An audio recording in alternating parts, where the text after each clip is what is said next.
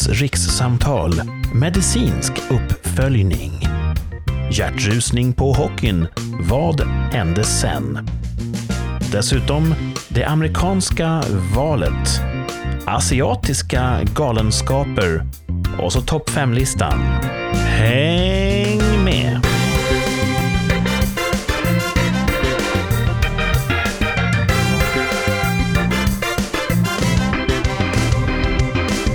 Varmt välkomna tillbaka till ännu ett avsnitt av Rikssamtal. Den här gången, som alla gånger, med Thomas Jajamän. och Martin. Tjena vars. Det börjar bli en härlig vana att ha med Martin här. Vi får göra om våra posters, vi får göra om eh, själva underrubriken på hela podden, tror jag. Yeah. Mm. Mm, Så att Martin får vara med. Kanske. Precis. Vi har ju lite idéer redan på, på grafik där vi har. Vi ska inte röja någonting i för, för, förväg, men vi har en idé. Eh, välkomna tillbaka. Eh, om vi vrider tillbaka klockan en vecka så eh, avannonserade vi förra avsnittet med att jag kanske, eller kanske inte, skulle åka in till akuten. Mm. Mm. Minns ni det? Ja, ja, gud ja. Lite sådär i Det var en förbifarten. hockeyträning där jag hade fått lite hjärtrusning och kan hända den bästa. Eh, det har hänt förut en gång och då åkte jag in och kollade upp och allting såg jättebra ut och de sa vi kan inte återskapa det här. Um, allting är helt friskt nu. Åk hem och walk it off. Men händer det igen, sa de, då måste du komma in. Ja. Mm. Så jag, jag var ju lite sådär motvillig. Ska jag åka in eller inte? Det var söndag kväll. Jag har varit in på akuten några gånger vid det här laget och det har aldrig varit någonting. Det har varit falskt larm varje gång och det börjar bli pinsamt. Mm. Mm. Ehm, Men vad, varit vad fick dig att tveka nu när, när de ändå sa en gång till det händer, åk in? Vad, vad var det som fick dig att ändå tveka? nej, men jag kände ju att sist jag var inne för exakt det här, Mm. då eh, gjorde de sin checkup och hittade verkligen ingenting. De sa att ah, det här är sånt som händer ibland. Men allting ser bra ut och jag tänkte att det, läget har ju inte ändrats. Nej. Mm. Och det är alltså, att jag åker in med, då kopplar jag på mitt skådespeleri och är så överdramatisk och aj, aj, aj. Och de hittar ingenting. Och jag börjar känna nu att jag vill inte ta upp folks tid och resurser i onödan. Det är lite pinsamt att, att sitta där fullt frisk och uppta folks. Har, har ni varit mycket på akuten? Ah, ett par gånger. Ja, inte åt mina vägnar, men äh, jag har varit där en del sådär. Men då har ni fått utdelning, så att säga. Ni har varit där av, av ett laga skäl. Ja. Ja, jag har varit där äh, äh, när min pappa var dålig förut. Då, då var vi där ganska mycket. Ja, och det känns ju som ett väldigt laga skäl. Ja, Ja. men så att det, man får ju bra förtroende för, för akutpersonalen när man är där i alla fall. Och Thomas, du har väl varit sövd någon gång till och med? Inte akut, men ändå... Ja, ja, det var ju länge sedan. Det var ju när jag opererade blindtarm. Typ tredje klassen och sånt där. Men Ja, eh, jag, har, jag har inte varit sövd på akuten, eller blivit. Men jag har fått hjälp där. Men grejen är ju, jag har ju aldrig egentligen haft någon anledning att uppsöka sjukvård. Eh, jag kommer återkomma till min historik där lite grann, men det har varit så att jag börjar känna mig i det här laget vid, vid min ålder lite som en bluff. Och det, det är ju det, det tungt vägande skälet mot att åka in till akuten efter en hockeyträning med lite hjärtrusning på en söndagkväll. Så det var det jag satt Mm. och, och funderade på där efter att vi hade spelat in podden klart. Och satt jag där i soffan och tänkte nej, nej. Men samtidigt så sa de ju att jag skulle åka in och det gör ju lite ont i bröstregionen, men det kan ju vara träningsvärk. Men jag åkte in. Mm. Och eh, precis som förra gången, uppkopplad på akuten, blub, blub, massa sladdar och grejer. De kollar ju då med, med moderna medel att hjärtat slår och hur det slår och de kunde säga att det här ser jättefint ut. Det brukar göra det, sa jag. Mm. Eh, vi ska avvakta och se, sa de. Det kanske händer igen medan vi är uppkopplade. Ja, vi får se, sa jag. Mm. Och tydligen- redan nu börjar du skämmas, eller hur? Ja, visst. Man, och det är det. Jag känner mig inte ens lite snuvig när jag ligger där. Jag känner mig helt fullt frisk. Ja, visst. Men när det väl hände så då, då fick du ju fan ligga ner och sådär och tog det lite lugnt. Det, Det var ju, Ja, det var ju- som en, det hände verkligen, det var på riktigt när det väl hände. Liksom. Det, det, det rusade ordentligt. Och det, Ja, det var ju full spett på hjärtat. Ja. Det gick ju jättesvårt. Och, och jag la mig ju ner till slut lika delar någon sorts, eh, så att säga, åtgärd, lika delar jag var lite trött efter hockeyträningen. mm. Men och som sagt, det var ju först när jag la benen i högläge märkligt nog. Då tokdog det igen. Då gick pulsen ner till normala. Så. Mm. Men jag ligger där då och, och till slut kommer de och säger du ska upp på avdelning. Och så långt har jag inte kommit förut. Nej, så level 3 liksom. Ja, high score. Mm. Men, och, och, och därmed hade jag ingen som helst aning om vad betyder det. För det finns ju mycket så här, mycket, Lingo. ja precis, fikonspråk i, i sjukvårdsbranschen. Så jag frågar ju då, vad, vad betyder det att man hamnar på avdelning? Ehm, Var du rädd att du skulle bli inlåst? För att ja, men det är där vi sätter alla som hela tiden simulerar skada återkommande. Jag visste inte vad det Vilken betydde. avdelning specifikt? Ehm, men sen så kom det in en sjuksköterska och drog iväg min brits. Den är ju på hjul praktiskt nog. Ehm, och rullade upp mig. Genom hissar och allt möjligt. Ehm, och då kom jag in på hjärtavdelningen. Passande nog, för det var ju det jag ändå hade så att säga, Mm. Skrivit på lappen. Det är hjärtat som slår för fort. Mm. Börjar du, känner du i det här läget ännu mer som en bluff? Bara, fan, nu kastar de ännu mer resurser på mig i onödan. Ja, visst. Okej, ja. så det var inte så att du bara, ah, men okej, men nu börjar. Nej, utan tvärtom. Ännu mer bara, det, Nej, det är inte det här är nödvändigt. ju... Visst, det är lite spännande att uppleva nästa steg, eh, nästa nivå. Men eh, samtidigt kände jag att det här är ju... Tack och lov var det en lugn kväll. Det var inte mycket folk på akuten och det kändes hanterbart på sjukhuset i stort. Så jag tänkte att ah, jag borde inte vara här, men jag verkar inte göra någon, någon irreparabel skada på svensk sjukvård i alla fall. Mhm. Och så sa de direkt där, du ska iväg på ett ultraljuds, eh, en, en ultraljudsundersökning av hjärtat. Mm. Ja, det kan ju vara praktiskt. Det har jag inte gjort förut.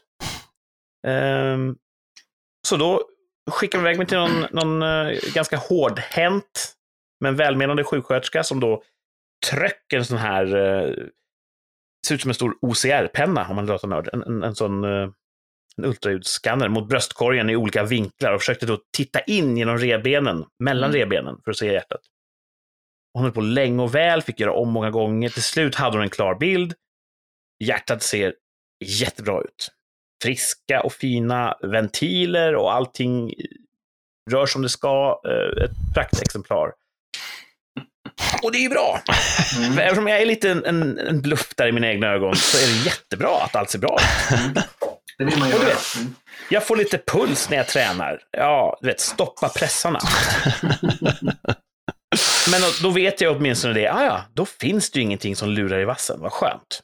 Så att EKG ser jättebra ut. Ultraljud ser jättebra ut. Ah, vad härligt.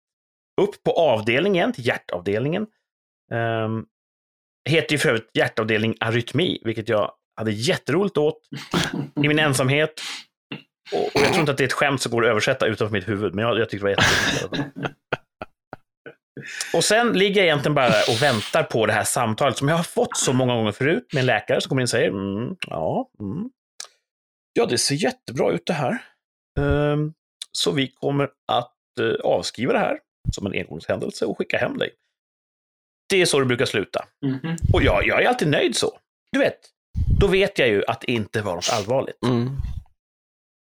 Så jag ligger där och väntar och då hör jag ju hur eh, på avdelning, då är man fyra stycken i ett rum. Eh, man är åtskild av skynken och väggar så att man ser ju inte varandra. Man kan ju höra då. Och då hör jag hur patienten tvärs över, han blir rakad i ljumsken. Mm. För tydligen då, eh, deras specialitet, det är en, en operation där de vet, sticker in en elektrod i ljumsken och kör upp den med kraft hela vägen upp i bröstkorgen så den når hjärtat. Och där kan de rota runt lite grann. tills, tills de har fixat felet liksom. Och det ska han förberedas för. Och då tänker jag, oh, stackars sate. Mm. Och så ligger man där och, och, och småler lite grann åt hans missöde och tänker, ja, tänk att ha ett sånt där spett uppkört i, i ljumsken. Oh, obehagligt. Nasty. Skönare att vara en bluff och få åka hem. Ja, Mhm. men och snart kommer ju läkaren och säger, nu är det dags att åka hem. För att ultraljud såg ju jättebra ut. Och, och EKG ser jättebra ut. Och då kommer in en sjuksköterska. Hej, hej, hej. Hon verkar lite, eh, lite i steget, lite driv sådär. Nu ska vi ta och raka ljumsken på dig.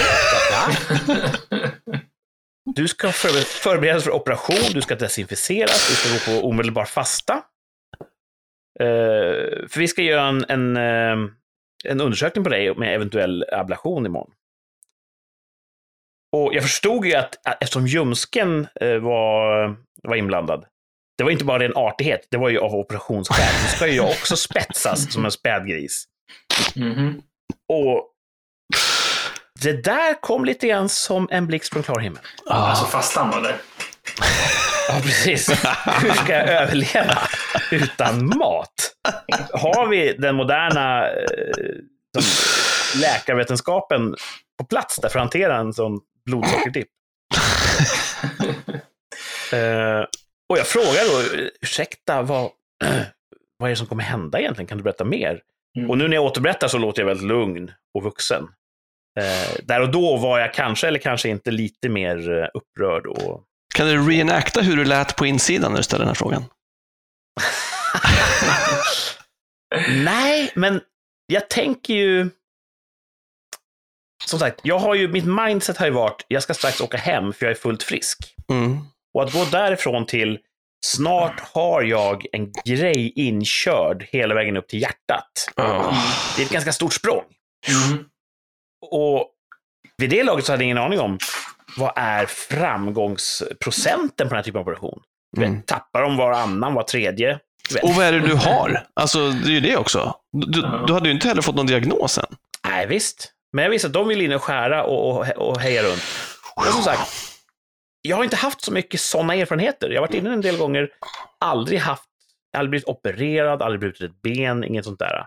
Så jag började då spela upp alla möjliga scenarier. På min horisont fanns ju allt från att, Clear. jag känner ingenting, klart, till att eh, man ligger där och blir defibrillerad för man håller på att passera in genom dödsriket. Liksom. Exakt. Mm. Ehm, och då till slut så kommer en läkare och börjar förklara då vad som kommer ske. Mm. Och då blev jag lite lugnare. För då fick jag förklarat att de ger lokalbedövning i ljumsken. Och där Mm. finns det en jättefet och fin ven ehm, som är på väg. Den passerar ljumsken och på väg upp till hjärtat. Nästa stopp hjärtat. Och då kan de göra ett litet hål där i huden och sticka in en, en, en, ja, en sorts kateter, ett långt plaströr. Så de leder hela vägen upp till hjärtat. Ah. Och genom det här röret kan de då föra in små elektroder, kan man säga. Små tunna, tunna spröt. Och med det kan de stimulera hjärtat. De kan ge hjärtat små, små, små elstötar. För att få det att slå på ett visst sätt. Mm.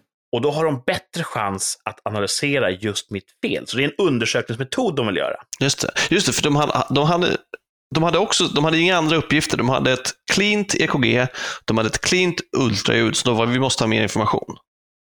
Precis. Det som föranledde det här, för att de skär ju inte upp vem som helst, Nej. men han sa det, han ville göra det här för att det fanns ett blodvärde från mig som indikerade att jag hade sprungit dubbla Ironman-tävlingar. Yeah man. Alltså Mm. någon sorts supertriathlon. Och han såg på min kroppshydda att jag omöjligt kunde ha gjort det. Men han har inte sett dig spela hockey. Frågan är, har någon sett mig spela riktigt? hinner liksom med mycket på kort tid där, så man kanske ändå kan... Fötterna rör sig med stil. Ja. De tänkte så här, det här vill vi undersöka djupare och, och så. Och då kan man göra det med den här moderna teknologin. De kan kartlägga vad exakt är det som händer i hjärtat. De hade en teori, men den måste de förstås verifiera. Mm. Mm.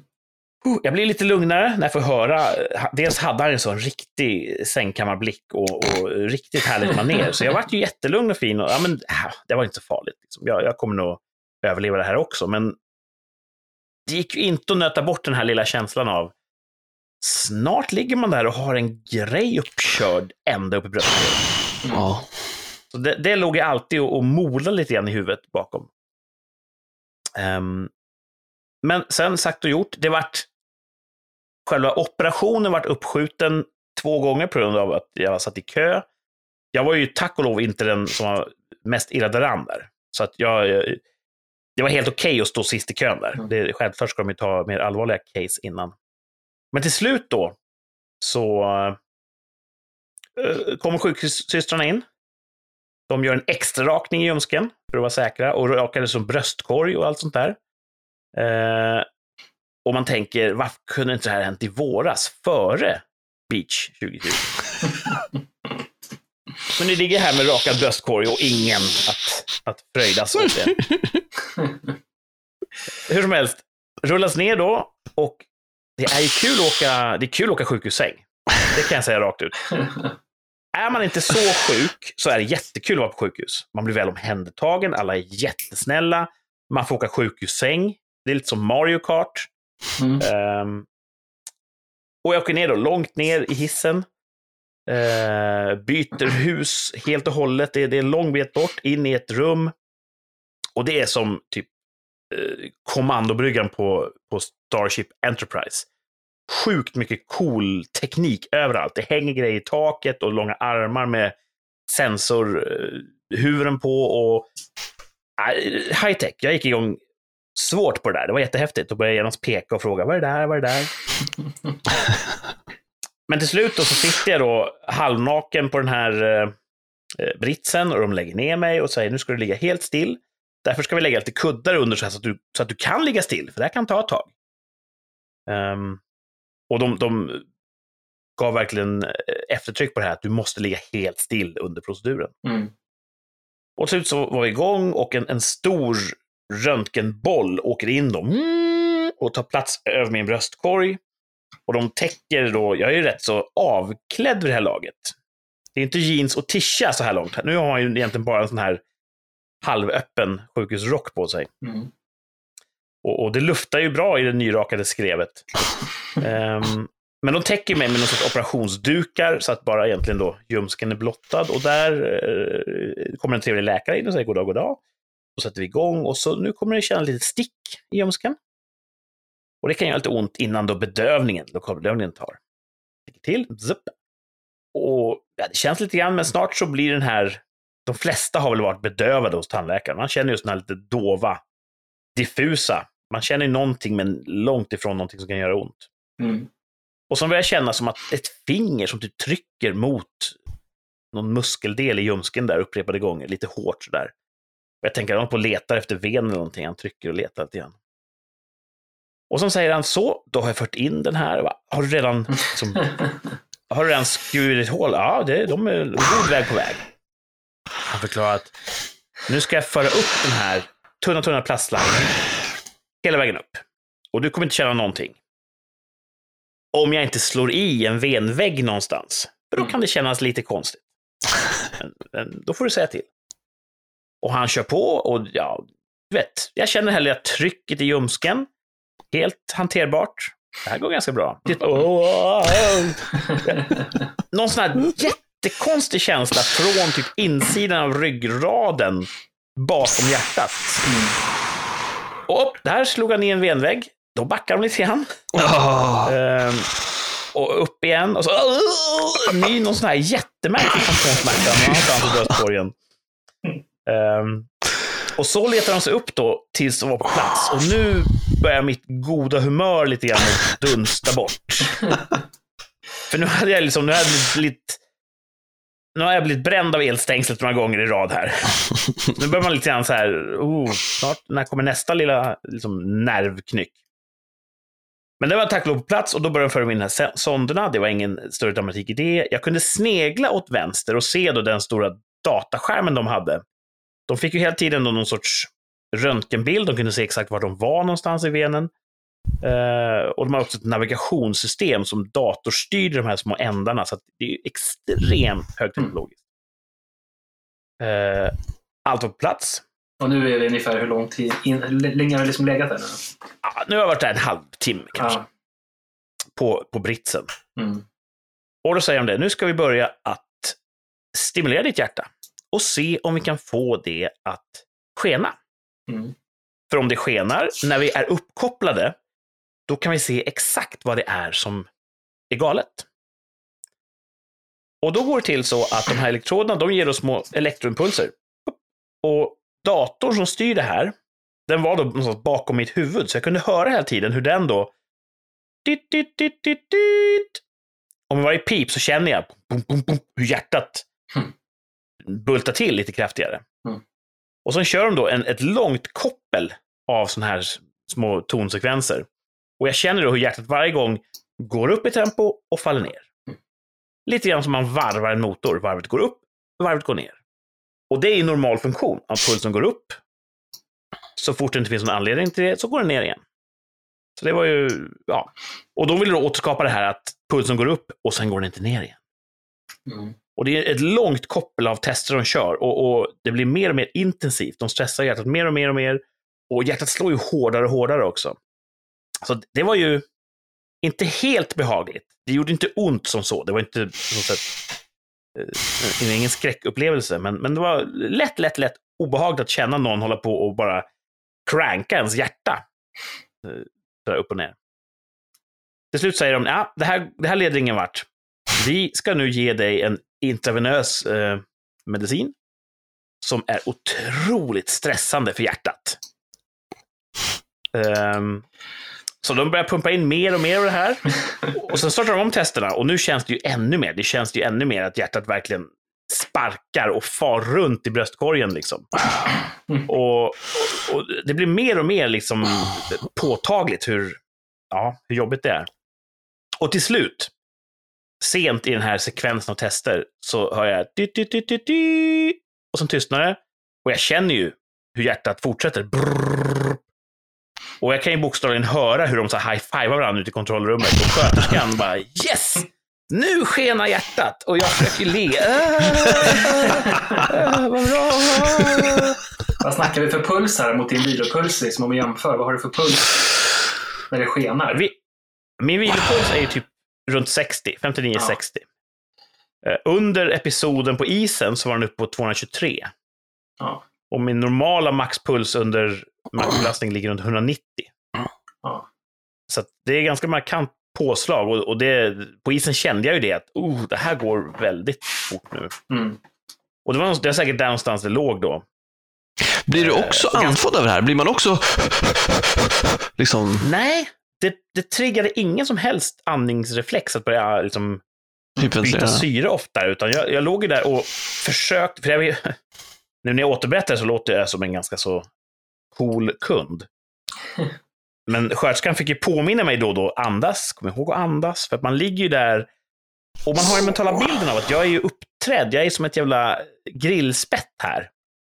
Så jag vill ju ligga så still jag kan och man, man Mm. ligger och lyssnar efter de här tuten från, från datorstyrningen och, och ligger lite grann på spänn efter nästa lilla nervknäpp som kommer in från ryggraden någonstans.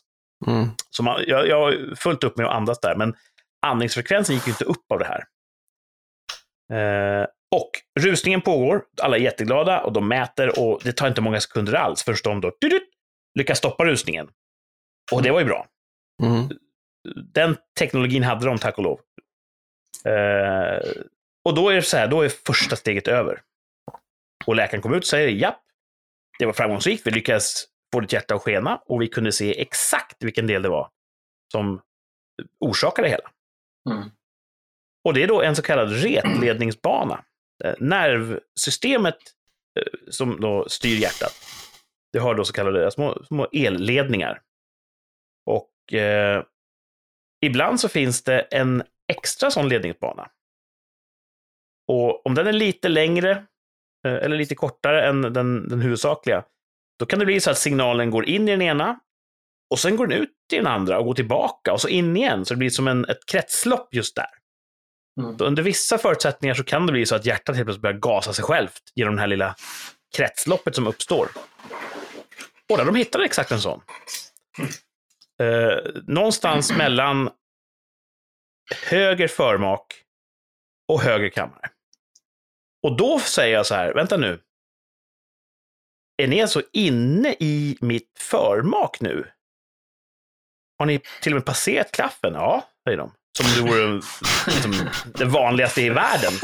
Och jag har hela tiden tänkt att de ligger ute i venen, precis bredvid hjärtat och på behörigt avstånd och mäter och, och sådär. Nej, de är alltså inne i mitt förmak med de här sladdarna och härjar. Mm. Men de sa så här, det här kan vi bota. Det finns en liten, liten risk förstås, som med allt. Att du kommer bli en dreglande grönsak. Oj, var det så de uttryckte det? Nej, de sa så här, du kan få pacemaker livet ut om vi, om vi zappar fel. Men det ska vi inte göra. Eh, vi har varit nyktra hela dagen. Så det här ska vi fixa. var, det var ganska liten risk. Ja, no- 0,5 procent. Ja. Men jag då som en nybliven rollspelare på gamla dagar började tänka, vågar jag rulla en, en T200? För du vet, man har ju slagit du vet, naturliga ettor Mm. några gånger i rollspelsvärlden. Så att... Men jag tänker, nej, eh, du vet, våga och vinn. Kör hårt, doktorn. Bränn bort den liksom. Ja. Och då för de in en fjärde sond. Och den här då är lite grövre. Den går i samma rör. Den går i samma rör. Och den har en spets som kan bli jättevarm. Ehm, tillräckligt varm för att tillaga kyckling, tror jag. Och den för då in i, samma, in i kammaren på hjärtat och försöker då hitta exakt den här lilla retledningsbanan, nerven kan man säga. Och så ska de bränna bort den.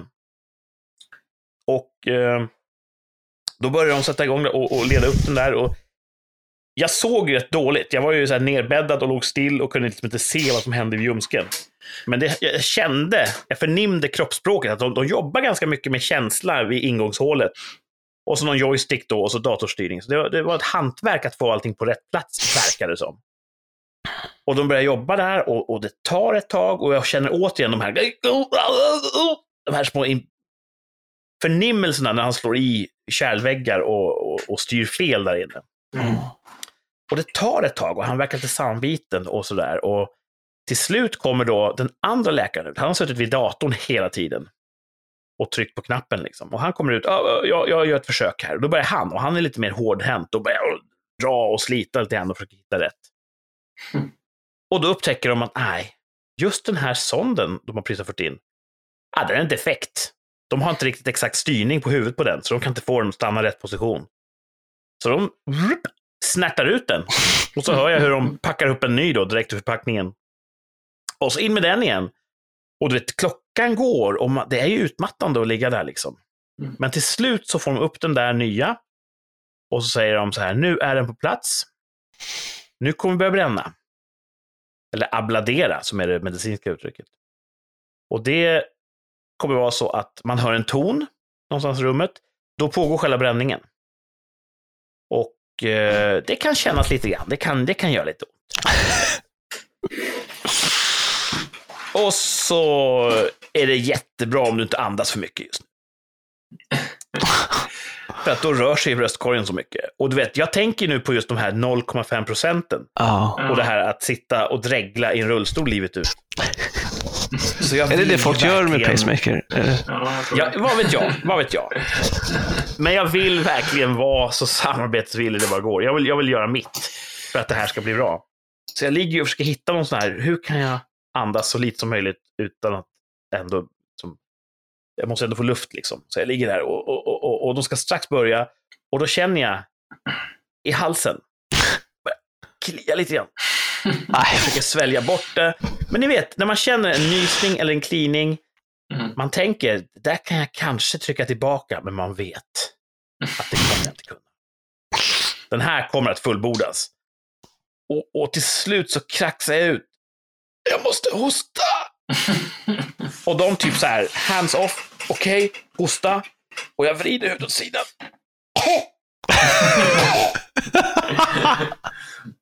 Klar!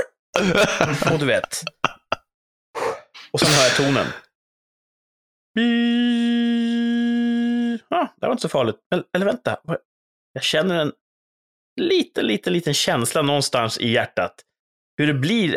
Varmt är svårt att säga. Det är ingen sån distinkt känsla, men det gör mer och mer och mer ont. Oh, jävlar, ska det göra så här ont? Åh! Stopp, säger läkaren. Tonen tystnar. Åh, Jag andas lite grann. Och sen kommer den igång igen och så börjar den här smygande, som ökande smärtkänslan tillta. Mm. Stopp! Och så gör de så, justerar nålen lite grann och så kör de igen. Beep. Och jag tror, jag har svårt med tidsuppfattningen med det här laget, men jag tror att sista tonen var nog upp mot en minut lång. Mm. Och då ligger jag bara och grundandas så lite jag kan. Och, och du vet, smärtan blir ganska så påtaglig mot slutet där. Och så säger de stopp. Och sen tittar de lite grann. Och sen ställer de sig upp. Och så säger de. Det där gick bra. Vi har bränt bort rätt retläggningsbana och vi har 0% övrig vävnadsskada. Så att, you're gonna live. Och det var ganska skönt att höra. Åh, fy fan. För, då kan man ju, för det var ju det jag låg och tänkte på då, att du vet, rullar jag tärningen nu och det blir en, en etta, då är, då är det pacemaker livet ut. Mm. Eh, Och det är ett ganska stor, en stor livsstilsförändring för mig. Ehm, men det hade gått bra. De hade inte förstört någonting. De trodde att de hade lagat någonting. Men för att vara säkra måste de ju kolla. Så de bara, vi kommer trycka dig full av den här stressmedicinen igen. Och sen kommer vi köra tredubbla test. Och, och, och, varva hjärtat för att vara säkra. Och nu är jag ganska trött och ganska medtagen. Uh, och, och, snart börjar de här. Och hjärtat börjar... Och nu är det en annan sorts molande skräck som finns i min skalle. Nu vill jag ju inte känna den här autorusningen. Mm. Så varenda sån när de tryckte på gasen, så låg jag bara och befarade att tänk om pulsen inte sjunker. För då har de misslyckats. Mm. Då, då har de inte lagat det. Liksom. Mm. Så det var ganska påfrestande att höra den, eh, höra den testcykeln som pågick ganska länge upplevde jag. Och mot slutet, då, då kändes det verkligen som att hjärtat höll på att hoppa ur bröstet. De, de redlinade den skiten alltså. och sen så bara... Så, klart, de kommer ut och typ så här snärtar av sig gummihandskarna som bara en läkare kan. Och säger, nej, eh, framgång, vi har inte lyckats återskapa rusningen hur vi än har försökt, så att eh, du är botad. Mm. Och då är jag ju, då är jag ju bara en, en vettextrasa där. Och de, du vet, drar ut alla grejer som har varit inne i mig och sätter på ett, ett tryckförband. Och någon sorts teamwork lyckas vi, så här, ungefär som, som, som eh, koraller kan, kan flytta sig över stenar. Så ungefär flyttas jag över till en, en, en britt på hjul. Och så rullar jag iväg och eh, upp på rummet igen. Och strikta order, du får inte ens lyfta huvudet på två timmar. För det här hålet, såret där de har gått in, det måste läka ihop. Och det kan ju läcka jättemycket blod om, om, om det springer läck, så att säga. Så att, inget extra tryck på det. Och jag ligger still i två timmar och sen kommer de in och de kollar ju då regelbundet under tiden, kollar de ju hela tiden mina, mina, min, mina värden. Och allting ser bra ut. Efter två timmar kan de hissa upp min huvudända lite grann, jag kan dricka lite vatten. Och sen kan jag upp och stå. Och det känns Shit. ganska bra. Och jag kan gå och käka kvällsmat. Liksom. Jesus Christ. Två timmar senare så är man på benen igen och det är ju rätt fantastiskt. Det är helt sjukt. Ingen gång, inte en minut efter operationen har jag haft någon som helst smärta vid operationsärret eller någonting. Nej. Lite öm över bröstbenet. Mm. Men det förstod jag som att det är hjärtat som har härjat runt där inne och säkert slagit i någonting. Så att det, det är ren och skär träningsverk. Liksom. Det är några blåmärken. Oh, Jesus. Ja, Så i- pers alltså. Ja, så summa summarum. Eh, fantastisk teknologi. Jag hade ingen aning om att man kunde göra så. Och jag hade framförallt ingen aning om hur, hur det var att, att, eh, att genomgå det. Hur länge låg Men du på... otroligt... Eh, operationen tog två och en halv timme. Ja.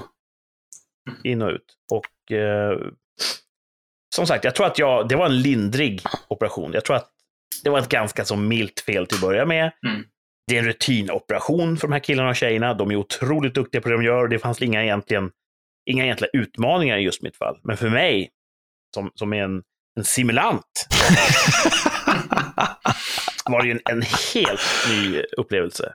Men man fick ju en enorm eh, aktning för alla inblandades, dels professionalism, och vad duktiga de är på det de gör. Mm. Och jag tackar dem ju flera gånger för att, tack för att ni gör ett så bra jobb, liksom, att, ni, att jag inte dog. Bra att ni var stadiga på handen liksom. Och sen också den, den jättefina omsorgen man får. Att Mm. alla är jättevänliga att ta hand om en och sådär. Mm. De, de hade ju artigheten att, att raka bägge ljumskarna. Så att Ja. jag inte ska gå och vara sned. De gick ju bara in genom den ena. Jag måste fråga det här, när du rakar bröstet där, rakar du så allt eller rakar du, har du ett stort hål där liksom i? Nej, men de tog det Mattan. mesta. Mm. De tog faktiskt det mesta för att det ska ju på en jävla massa, dels sensorer, Mm. men också då defibrillatorpaddar som är Ja, fastklistrade. det. Mm. Så jag tror att den här datorn, eh, hade den märkt att jag var på väg att, att tappa det, då hade Mm. den automatiskt sappat mig till liv. Jag tror att det, det är fullt automatiskt. Mm. Ja. Eh, så att eh, Skynet, jag, jag tror det är där de kommer sikta på att ta sig in, för att då har de full kontroll över om vi lever eller dör. Men du fick inget eh, lugnande när du skulle köra? Du körde, kände att du var lugn nog? Eller blev du erbjuden någon? Jag tror inte att jag fick något lugnande. Nej. Ehm, jag förstod det som att jag hade ju en sjuksköterska då posterad vid min huvudända hela tiden Mm. som var eh, ett väldigt bra eh, kamratstöd, som, som man säger i försvaret.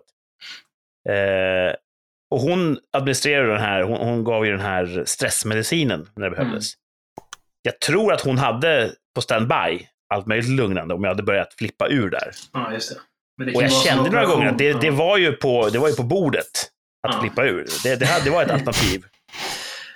Eh, Men tack och lov så gick det inte så långt. Och som sagt, det här var väl en ganska lindrig procedur, Ja. allt som allt. Men hon hade säkert kunnat pumpa. Jag tror inte att jag fick någonting.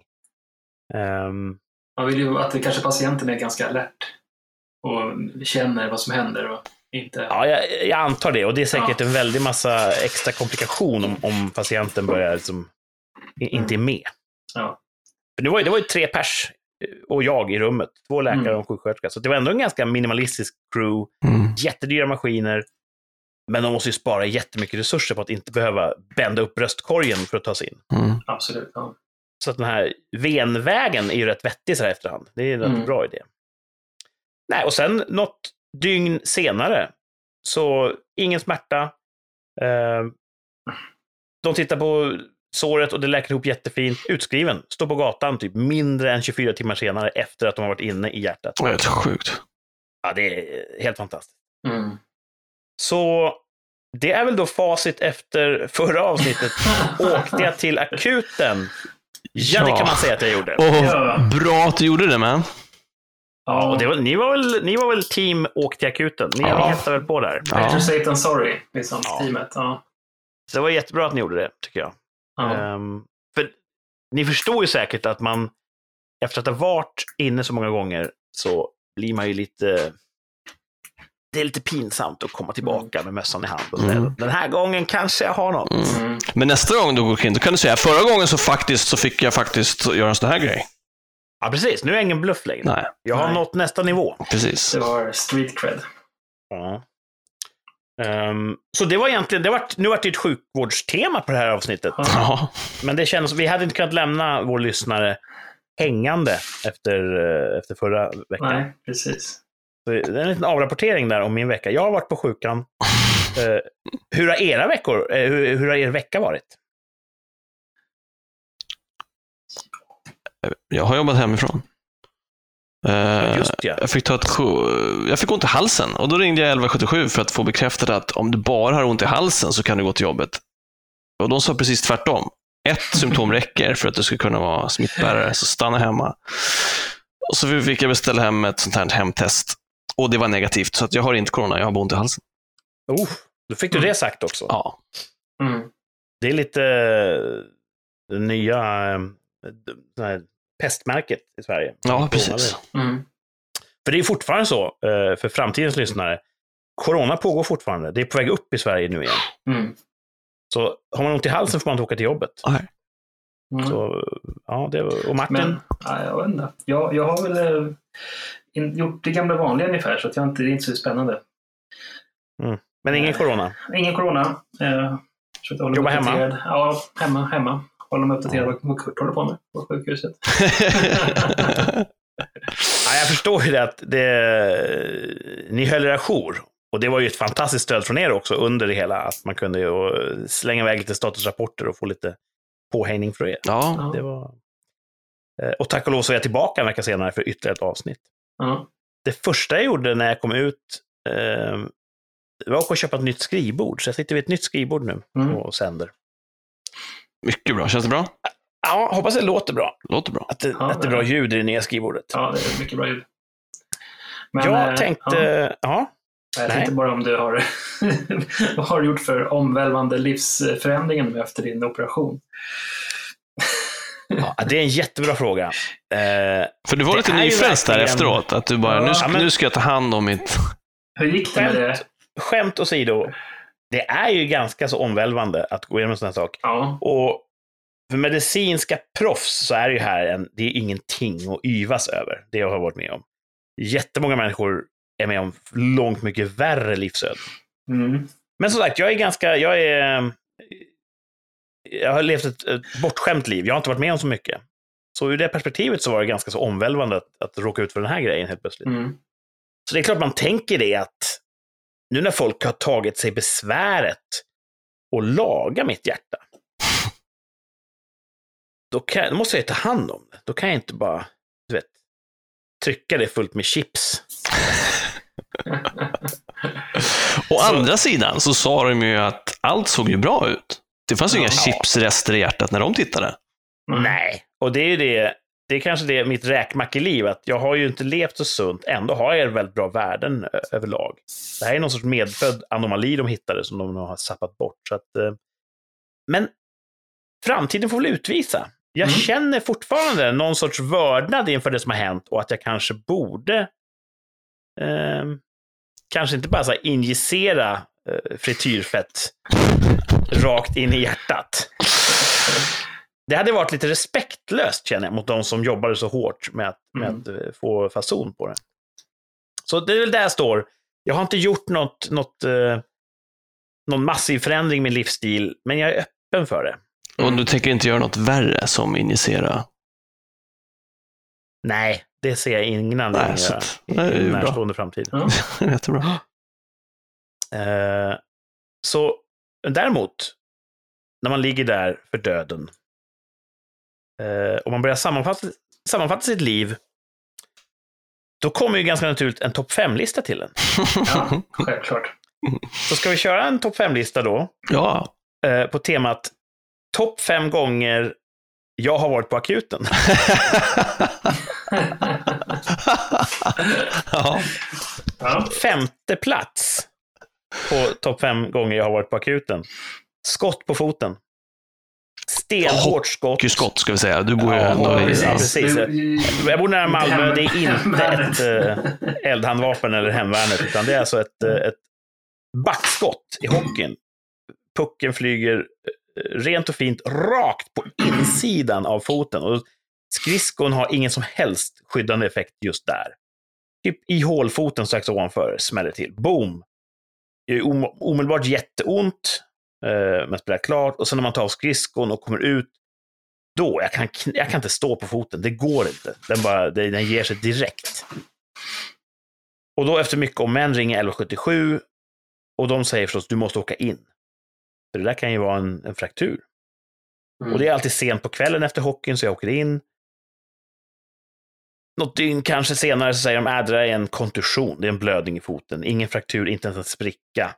Du får, du två, får två kryckor för att du verkar så angelägen. Det är allt. Som sagt, det var ingenting. Men det visste man ju inte. Nej. Nej. Och det gjorde ju Det var, ont. det var, det var topp fem. Eh, Femte plats. Mm. Fjärde plats. Krossade handen mot målburen. Eh, Oj. Också hockeyrelaterat. Hockeytema känner jag. Mm. Ja, jag var trippad bakifrån. Eh, Skridskan åker upp i luften. Jag faller och får min egen hand mellan kroppen och den här vassa kanten, den vassa sargen på målburen. Mm. Eftersom jag är back så är jag oftast där och, och härjar.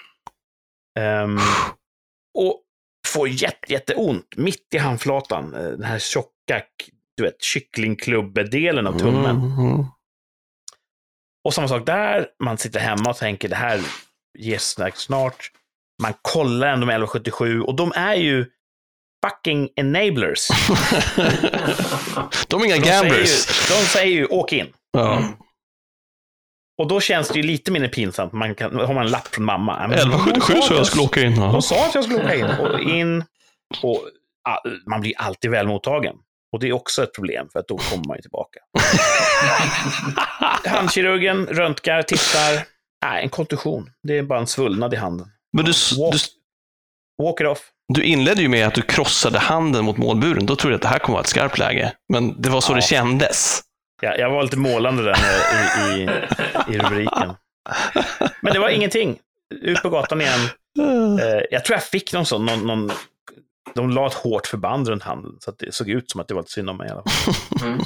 Men det räckte inte till mer än fjärde plats på topp fem gånger jag varit på akuten. Topp tre. Och nu höjer vi insatsen. Skott i huvudet. Ja, det är hockey igen. Eh, återigen ett skott från, från motståndarens backposition. Det styr på motståndares, eh, en annan motståndares klubba, så pucken får vinkel uppåt och träffar mig precis i nacken, precis under hjälmkanten. Man har, man har ju jättemånga skydd på sig i hockey. Mm. Just där finns det ju en, eh, en liten lucka där, där kraniet möter nackpelaren, eller vad det kallas. Mm. Där träffar pucken stenhårt. Jag går direkt ner som en klubbad säl. Ja. Dålig liknelse, för sälar ligger ju ner. Men någonting annat som klubbar. Så jag, jag, benen viker sig, jag går rätt ner i isen. Svartnar det då också? Alltså blir du... Nej, Du Det tror jag inte? inte. Nej. jag upplever inte att jag tappade medvetandet alls. Mm. Ehm, jag frågar återigen 1177 och de säger ja, det där kan ju faktiskt vara en, en rätt allvarlig skada. Så in. Och då hamnar jag först på eh, kvällsmottagning. Det är ett steg utanför, ett steg under akuten. Där läkaren kommer in och konstaterar att oh, det här är inte alls bra. Du kan ju ha, ha en, en fraktur i nacken. För jag hade lite domningssymptom nämligen i armen. Mm. Och de sätter på en krage. Och sen kommer de på att, just ja, nu ska du upp till akuten. Har du en krage på dig, då måste du åka ambulans upp. Men det finns ju ingen inne just nu. Och då börjar de fundera på, var det kanske överilat att sätta på en krage? Och till slut så kommer de på att vi tar av kragen. Du mår rätt okej va? Vi, vi snackar inte om det här med någon. Vi tar av kragen igen och så går du upp till akuten. Okej? Ja, visst säger jag. Och de tar av kragen och ja, du vet, man, man, man vrider lite på huvudet. Nej, nej, för helvete, säger de. Vrid inte på huvudet. Gå upp till akuten och, och, och så får de ta över, så blir det deras problem. Eh, och det gick jättebra att gå upp, in. De gör jättefina eh, skanningar av hela skallen och med så här kontrastvätska och, och undersöker nacken noggrant. Inga problem. Inga problem. En svullnad i muskeln som trycker på en nerv, därav domningarna. Ah, Tack och lov. skönt. Men Ja. det, var, det var ju eh, en, insatshöjning känner jag ändå när jag fick ett skott i huvudet.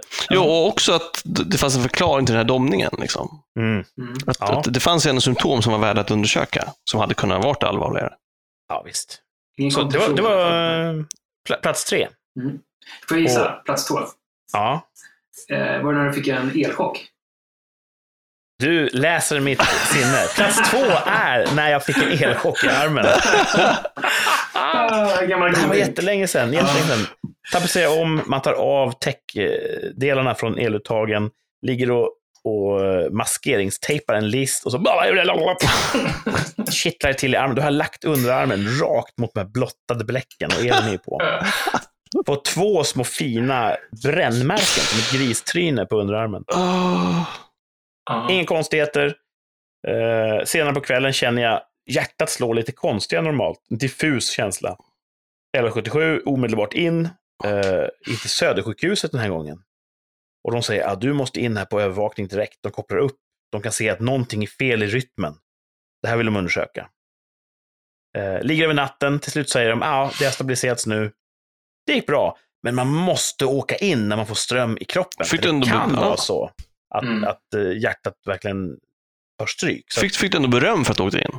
Ja, precis. Och det här var, det här var ändå den första av de här incidenterna. Det här var Mm. det första besöket som ändå kom Mm. till plats två. Och det var kanske grunden till mitt akutmissbruksbeteende.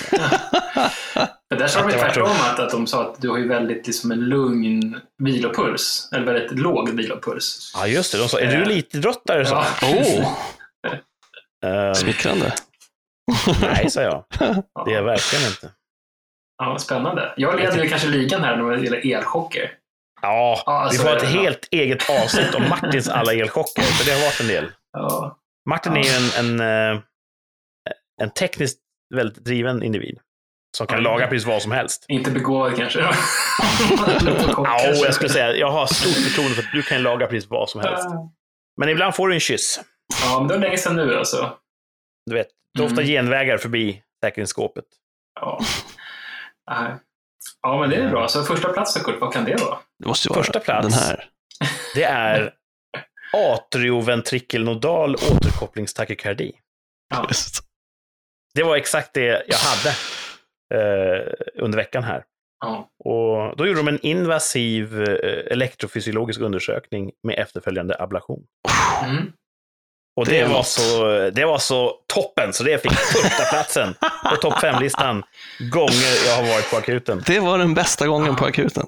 Ja, det var bäst. I efterhand kan jag säga, det var den bästa. Ja. Ja. Just då var jag skeptisk, kanske en stark tredje plats, Mm. kanske andra plats. Men nej, där efterhand första platsen lätt. Helt Ja. klart. Hörrni, eh, tvärsäkert uttalande. Ska vi kasta om nu? Nu släpper vi det här sjukhusspåret. Eh, ska vi köra tvärsäkert uttalande? Ja. Mm. Kommer ni ihåg vad vi sa förra gången? ja. Ja. Vad sa vi då? Vi gissade om Biden är president om ett år. ja. Precis. Eh, För jag, jag, vi har, vill ju... Ja, jag har en liten spaning där. oh, om, om Biden och presidentskap. Ja, precis. Ja, För det, jag har förnimt en enorm glädjeyra nu på olika sociala plattformar och så vidare. precis. För mellan förra avsnittet och det här så var ju Mm. amerikanska valet. Och nu Mm. verkar det se ut som att Joe Biden tar hem presidentposten. Precis, precis, det var bra. Precis. Och just som sagt, en enorm glädjeyra och nästan en religiös övertro på att nu kommer frälsningen. Mm. Så dels så sätts det en enorm press på Joe Biden att han ska lösa alla världens problem. Och det är vad folk tror nu. Folk tror det. Så min spaning är att när folk snart upptäcker att världen är fortfarande en fruktansvärd plats så kommer det riktas mycket ilska, kanske inte mot honom, men det vore inte omöjligt att det görs det, för att han ses nu som frälsaren. Om han inte lyckas lösa alla världens problem två månader in i presidentskapet så kan det bli så att folk bara, Var, varför, varför händer inget nu? Eller så riktas den ilskan mot andra grupper. Eller, på, på något sätt så tror jag att det kommer komma en backlash av den här glädjeyran som verkar nästan sektisk. Just det. Så det är min, li- min lilla Omänskligt, spaning. eh, Liksom. Mm. Omänskligt högt ställda förväntningar Ja, på precis. stackars Joe. Så tror jag. Ja. Mm. Han är ju ingen vårkyckling. Nej, Nej. Så det var ju lite grann, förra avsnittet så pratade vi just om det, att Precis. om han vinner, vilket han gjorde, hur länge kommer han leva? Om man inte vara så morbid, man kan säga, kommer han kanske kliva av presidentposten av hälsoskäl? mm. Mm. Så att, eh, det återstår att se. Vi tippade ju alla tre att han skulle inte vara president om ett år. Mm. Nej, precis. Och jag har ju också sett och hört folk som uttryckligen har önskat att de ska få den första kvinnliga presidenten. Ja, för det är På det ett de ganska säger säger det. sätt. Nu, Alltså, Mm. nu ser Ja. vi fram emot att, eh, att Harris blir president. Då säger de ju uttryckligen Ja. att då måste ju Joe på något sätt försvinna. kliva åt sidan. Mm. Rent, eh, ja, rent vitalitetsmässigt Ja, kanske. precis. Ja, det, det, de, de menar säkert inte det, men det låter faktiskt ganska Ja, hemskt. det lät hemskt, ty- tyckte ja. jag. Men det var bara, det var, jag ville bara slänga in det som en spaning. Eh, Ja, jag, jag, jag har ingen häst i racet. Jag kan tycka att de som gillar republikansk politik, de har haft anledning att vara glada och kanske skratta lite åt Demokraternas eh, upprördhet i fyra år. Och nu får Demokraterna vara glada i fyra år, och det är väl fint. Att alla får vara glada, och skadeglada framför allt, för det är ju mycket sånt nu i nådens år 2020. Eh, så det pratade vi om förra veckan då, eh, i ämnet tvärsäkert uttalande. Eh, den här veckans ämne. Jag ville, jag ville bryta med, det är väldigt mycket politik på schemat. Vi har förstås då haft en medicinspecial, sjukhusspecial här. Jag ville bryta helt och hållet. Vad tror ni? Blir det en vit jul? Oj, Oj, ja, det var, då bytte vi ämne. nej, Mm. absolut inte. Thomas säger nej. Ja. Ingen betänketid. Nej, solklart.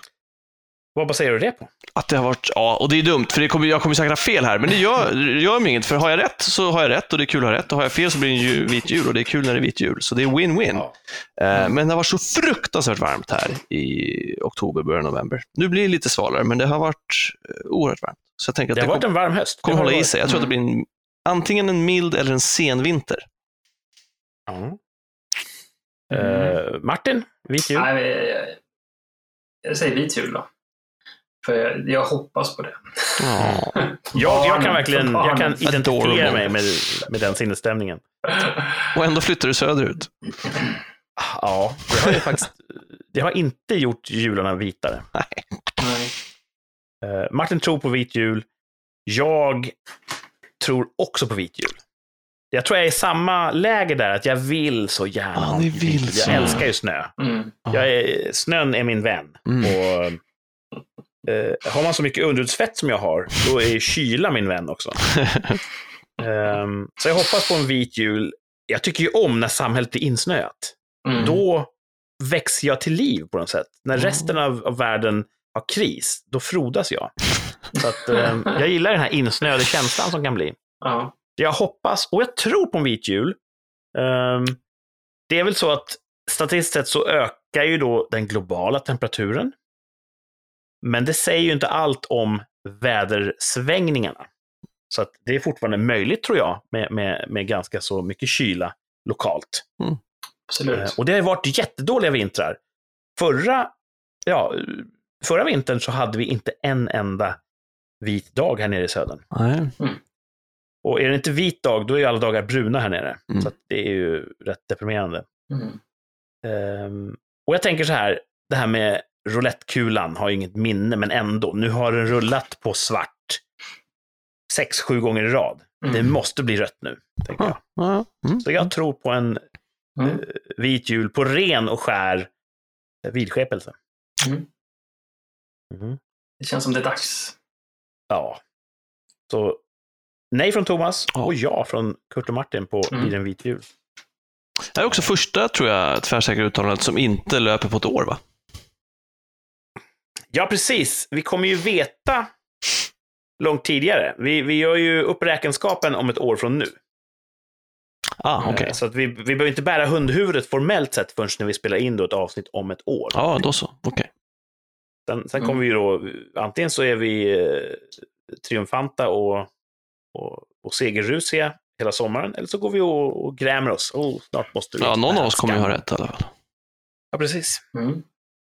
Ehm, vet ni vad jag har tänkt på? Nej. Berätta. Det här med poddar. Det har blivit ganska populärt. Podulärt. Mm. Jättemånga poddar finns det. Mm. Jag var sen på att kliva in där. Jag började lyssna ganska sent. Eh, nu har jag ett antal som jag följer eh, när de släpps. Och jag har märkt att det är jättebra när man går och gör hushållssysslor. Man klipper gräset, man städar eller diskar. Perfekt att ha en bra podd i öronen, för då flyger tiden fram. Och jag har märkt också att när jag är klar med diskningen och podden inte är klar, då hittar jag någonting annat att göra så att jag får fortsätta lyssna. Så att huset blir mycket mer välstädat och man gör de där små sysslorna som man gick och drog sig för. De blir gjorda helt plötsligt för att man har någonting i öronen. Jättebra. Win-win-win Mm. kan man tycka. Men jag har också märkt det är helt omöjligt att tänka Mm. när man lyssnar på podd. Mm. För så fort jag börjar tänka i någon riktning och börjar ah, fördjupa mig i någonting, då stänger jag öronen av. Mm. Och då missar man vad de pratar om. Oh, oh, spola tillbaks och sådär. Man kan göra saker och ting med händerna och fötterna. men Man kan inte tänka när man lyssnar på podd. Jag tror att det är fler än jag som, eh, som använder poddar på det här viset. Känner ni igen er i det här? Ja, absolut. Absolut, ja. Och poddar är jättepopulärt. Jättemånga människor har favoritpoddar som de följer. Hur många följer ni till exempel? En. Mm. Och du får inte säga den här. Nej, vi ska inte göra reklam. Eller hur funkar det? Nej, du får inte säga vår podd. Den den räknas Alltså. Du är väl den av oss som inte lyssnar på vår egen podd? Men Ja, jag och Martin så- brukar ju lyssna. Så är det. Jag följer ju inte den här, helt enkelt. Mm. Du följer en podd. Martin, hur många poddar följer du? Jag är mer, eh, när jag jobbar försöker jag köra eh, ljudböcker istället. Ja, just det. Ja. Och det är väl samma typ av eh, lyssnande, att man Ja. kan göra saker och ting, men du kan inte kognitivt Nej, tänka på nej någonting. då får man säga oj nu får jag spela tillbaka ett kapitel här, för nu har jag... Ja, precis. Inte- Och, och det är bra att du tar upp det, för, för ljudböcker har ju också blivit jätte, jättepopulärt. Mm. Mm. Så ljudböcker och poddar, jag tror att det konsumeras mer än någonsin. Vilket gör att människor säkert också diskar och städar och gör mer än någonsin. De tar längre promenader, jättemånga bra samhällseffekter av det här, men folk tänker mindre. Ja. Mm. Jag tror att den här dödtiden, när folk tidigare knäckte de här stora gåtorna, eh, när Newton fick äpplet i huvudet och helt plötsligt så bara klickade allting på plats. Det inträffar inte lika ofta, för vi tänker inte lika ofta. Jag Ja. tror att vi har passerat en topp lokalt i vår, eh, vår uppfinningsrikedom som, som art. För att allt det här poddandet och alla, alla ljudböcker, det gör att vi, tänker, vi stänger av tänkandet under så pass lång tid så att det faktiskt blir statistiskt mätbart. Jag tror att vi tänker mindre och jag tror att det, det får konsekvenser. Mm. Jag håller med. Jag tror att jag pratade med min eh, eh, hälsoguru och han, han var inne på det också, där, att man, man får ingen tid för reflektion. Man, eh, man stressar hit och dit och sen när man väl tar den här promenaden och man kan tänka, där sätter man på en ljudbok eller en podd och så ja, det blir inte så mycket tankar. Man löser inga problem. Eh, som, så det, det, ja.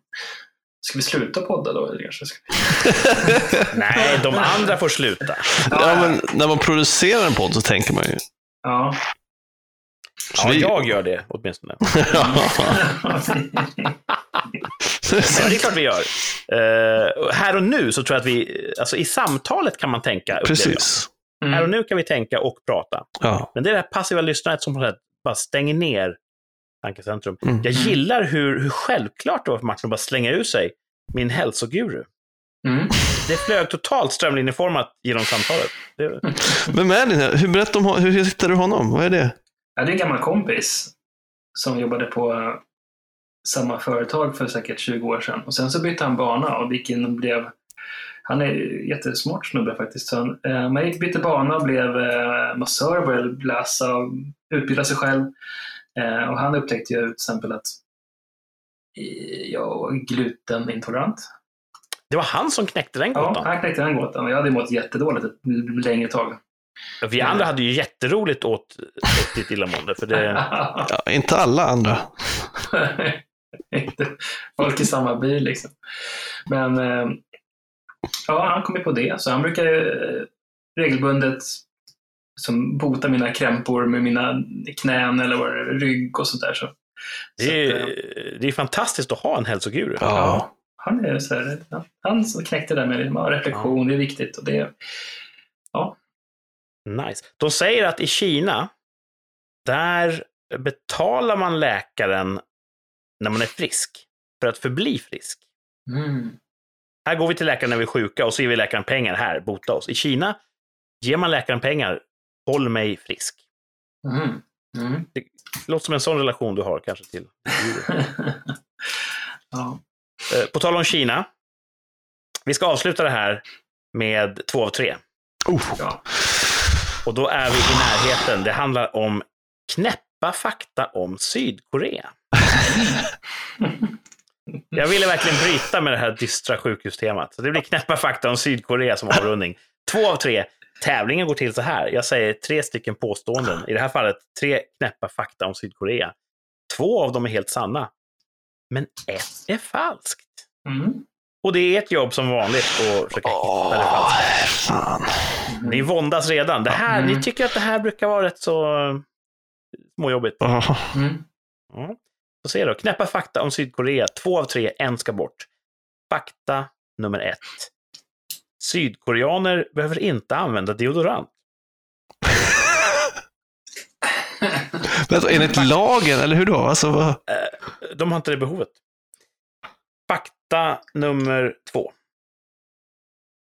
Sydkorea utför flest skönhetsoperationer per capita Mm. Fakta nummer tre. Kristendom är formellt sett olagligt i Sydkorea. Tre fakta. En ska bort, för den är inte sann. Fakta nummer ett. Sydkoreaner behöver inte använda deodorant. Fakta nummer två. Sydkorea utför flest skönhetsoperationer per capita. Och fakta nummer tre. Kristendom är formellt sett olagligt i Sydkorea. Mm. Ja, Ja, alltså, vill du börja Martin? Eller ska jag? nej. Att, alltså det här, nu kommer man säkert få ha fel då igen, men det låter ju helt... För det första påståendet där skulle alltså... Det, det du säger, det du, det du påstår är att sydkoreaner inte skulle ha svetskörtlar under armarna. Och det låter ju helt befängt, så jag skulle säga att det inte är sant. Det ska bort. Mhm. De borde använda deodorant, tycker du. Alltså, det var inte vad jag sa. Jag bara, med tanke på... Tycker du att sydkoreaner luktar illa? Jag menar, det, det, Ja. det, det, Ja, du har kastat dina tärningar. Ja, vad, vad säger Martin? Då? Ja, jag vet inte. Att de utför flest operationer per capita. Skönhetsoperation. Ja, precis. Det ska tilläggas. Men Är de så snygga? Och luktar de så gott? Jag Och är de så göra- okristliga? Det är frågan. precis. Formellt förbjuden. Ja, det här är jättesvårt. Jag vill kanske inte säga samma som Thomas. Det blir som att mig, det är roligare om jag kanske inte tar samma som Thomas. För du menar att du vill vinna? Men att jag skulle ha fel då? Ehm, Man får säga vad man vill. ja, men jag, jag tror att, ja, nu, ja, nu bara för skojs skull här, så säger jag att det är operationer. Jag tror att de inte opererar sig så mycket som, som du säger. Nej. Det finns ju en, en, en rasistisk fördom om att de ser likadana ut allihop. Så hade det varit skönhetsoperationer så borde man ha märkt det. Ja. Om man e- erkänner den rasistiska stereotypen. Eller så gör, är det sant för att alla opererar sig så för att se likadana ut. Precis, det finns en målbild. Eh, Thomas committade till deodorantspåret, Ja. Martin väljer skönhetsoperationsspåret. Mm. Ja. Eh, Någon av oss måste ju ha rätt känner jag. Det, det måste, någon av oss måste ha rätt den här gången. Den här gången måste fan någon av oss ha rätt. Alltså. Det är de 66 procent. Ja. Jag tror att en tredjedel av koreanerna eh, erkänner sig till den kristna läran. Oj. Det är jättepoppigt med kristendom och det är inte ett dugg förbjudet. Men kristendomen är laglig. Och till och med välkommen Men i, så- i Sydkorea. Så, så det, det, var, det var det påståendet som skulle bort. Ja, det var falskt. Det låter i och för sig logiskt när du säger det. Nej, det, är väl så typiskt att det finns en, liksom, formellt så är det förbjudet, men det är ingen som efterlever det. Det vore en sån klassisk grej. Det låter som Ja. en sån knäpp lagstiftning som har blivit kvar. Exakt. Ja. Men det var det alltså inte. Kristendomen är fullt laglig. Det är det felaktiga faktat. Det här med skönhetsoperationer. Ja, Sydkorea toppar listan. De utför flest skönhetsoperationer per capita i hela världen. Och på tal om rasism, den vanligaste operationen, det är ögonlocken. De vill få Mhm. rundare ögon, lite så här öppnare ögon. Och, och det finns ju en, ehm, en genetisk skillnad mellan olika folkslag, där asiatiska folkslag har lite speciella ögonlock. Ja, det Ehm, heter någonting. Varför hade det... Ja, det har, ja precis. Vad heter det? Skitsamma. Hur som helst, det är poppis att operera så man får ett extra veck i ögonlocket så att man ser lite mer och lite rundare ögongluggar. Mm. Jättepoppis. Jättemånga vill göra det. Ehm, och det här med deodorant, det här är ju ganska spektakulärt. 0,006 procent av sydkoreanerna är precis som oss i det här avseendet. Resten, Mm. De saknar en speciell gen. Så de utsöndrar inte de här eh, hudlevande bakterierna under armhålorna. Otroligt. Så de luktar inte illa under armarna. Helt. Sydkoreaner luktar inte illa under armarna. Utom 0,06 procent lyckligt lottade. Ja. Och det är så att det är svårt att köpa deodoranter i Sydkorea. För vem behöver dem? Jesus Christ. Och de svettas fortfarande. Det fortfarande kan bli blött under armarna. Men det luktar inte. För att Mm. den, och det är så, svett det kommer ju av att bakterier bryter ner ämnen i svetten. Och de här ämnena som, som restprodukterna, det är de som luktar. Och det här sker inte på en sydkorean. På grund av en, en gen. Helt mad. Typ ABCC11 tror jag genen heter. Det borde man ju forska på faktiskt. Och bara genförändra sig. Genmodifiera sig själv. Jag, jag har den genen i alla fall.